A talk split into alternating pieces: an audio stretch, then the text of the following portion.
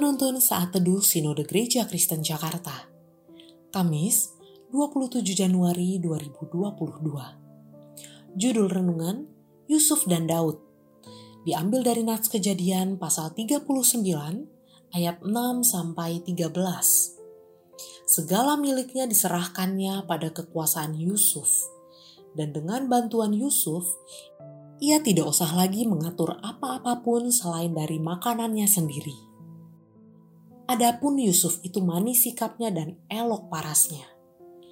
Selang beberapa waktu, istri tuannya memandang Yusuf dengan berahi.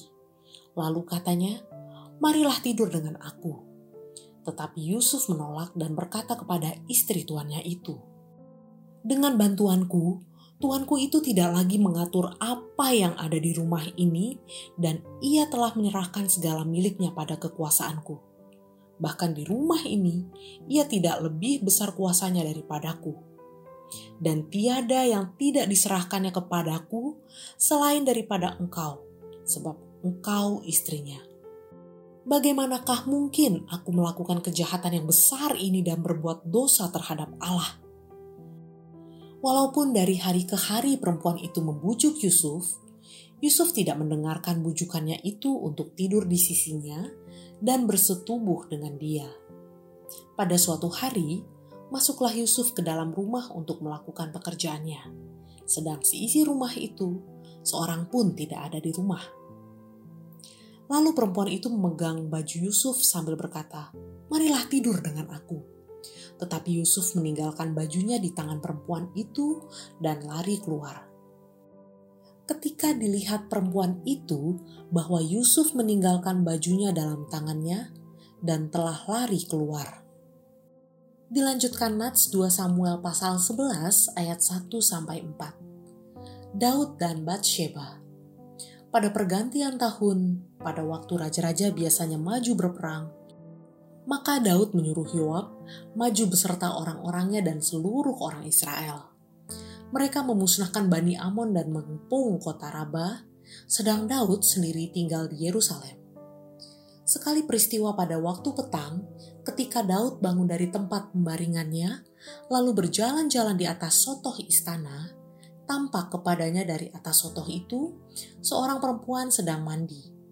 Perempuan itu sangat elok rupanya Lalu Daud menyuruh orang bertanya tentang perempuan itu dan orang berkata, itu adalah Bathsheba binti Eliam, istri Uria orang Het itu. Sesudah itu, Daud menyuruh orang mengambil dia. Perempuan itu datang kepadanya, lalu Daud tidur dengan dia. Perempuan itu baru selesai membersihkan diri dari kenajisannya. Kemudian pulanglah perempuan itu ke rumahnya. Setiap orang memiliki kelemahannya masing-masing. Ada orang yang lemah dalam keuangan, kekuasaan, jabatan, tahta, pria wanita, atau godaan seksual. Setiap orang perlu berhati-hati terhadap kelemahannya sendiri agar tidak lengah dan jatuh ke dalam dosa. Belajar mengenai kelemahan, dua tokoh yakni Yusuf dan Daud dapat menjadi perbandingan yang baik. Yusuf digodai oleh istri tuannya Potifar untuk melakukan zina. Godaan demi godaan ia terima, ditepisnya dengan baik. Bahkan ketika godaan itu datang dalam keadaan yang mendukung, Yusuf tetap tidak mau melakukannya, bahkan lari meninggalkan istri Potifar. Alasannya hanya satu, yakni Yusuf tidak mau berkompromi dengan dosa. Namun berbeda dengan Daud Selepas ia beristirahat di istananya, ia menjumpai sebuah pemandangan yang tidak seharusnya ia lihat. Pemandangan itu membawanya untuk melakukan dosa zina dengan Bathsheba. Padahal Daud dikenal sebagai raja yang bijaksana dan dekat dengan Tuhan. Namun karena sikap komprominya, ia mudah jatuh ke dalam dosa. Sebagai umat perjanjian dan umat pilihan Allah, bukan berarti kita akan kuat dan mampu selalu terhindar dari godaan dosa. Alkitab mencatat bahwa penting sekali kita selalu mengambil sikap berjaga-jaga. Sebab iblis serupa singa yang mengaum-ngaum dan mencari orang yang dapat ditelannya. Dengan kata lain, iblis tahu kelemahan kita dan menantikan waktu kita akan lengah terhadap dosa. Untuk itu, kita perlu dua hal dalam berjaga-jaga, yakni pertama, selalu mengingat dan melibatkan Tuhan dalam segala hal yang kita lakukan. Kedua, tidak berkompromi terhadap dosa apa pun.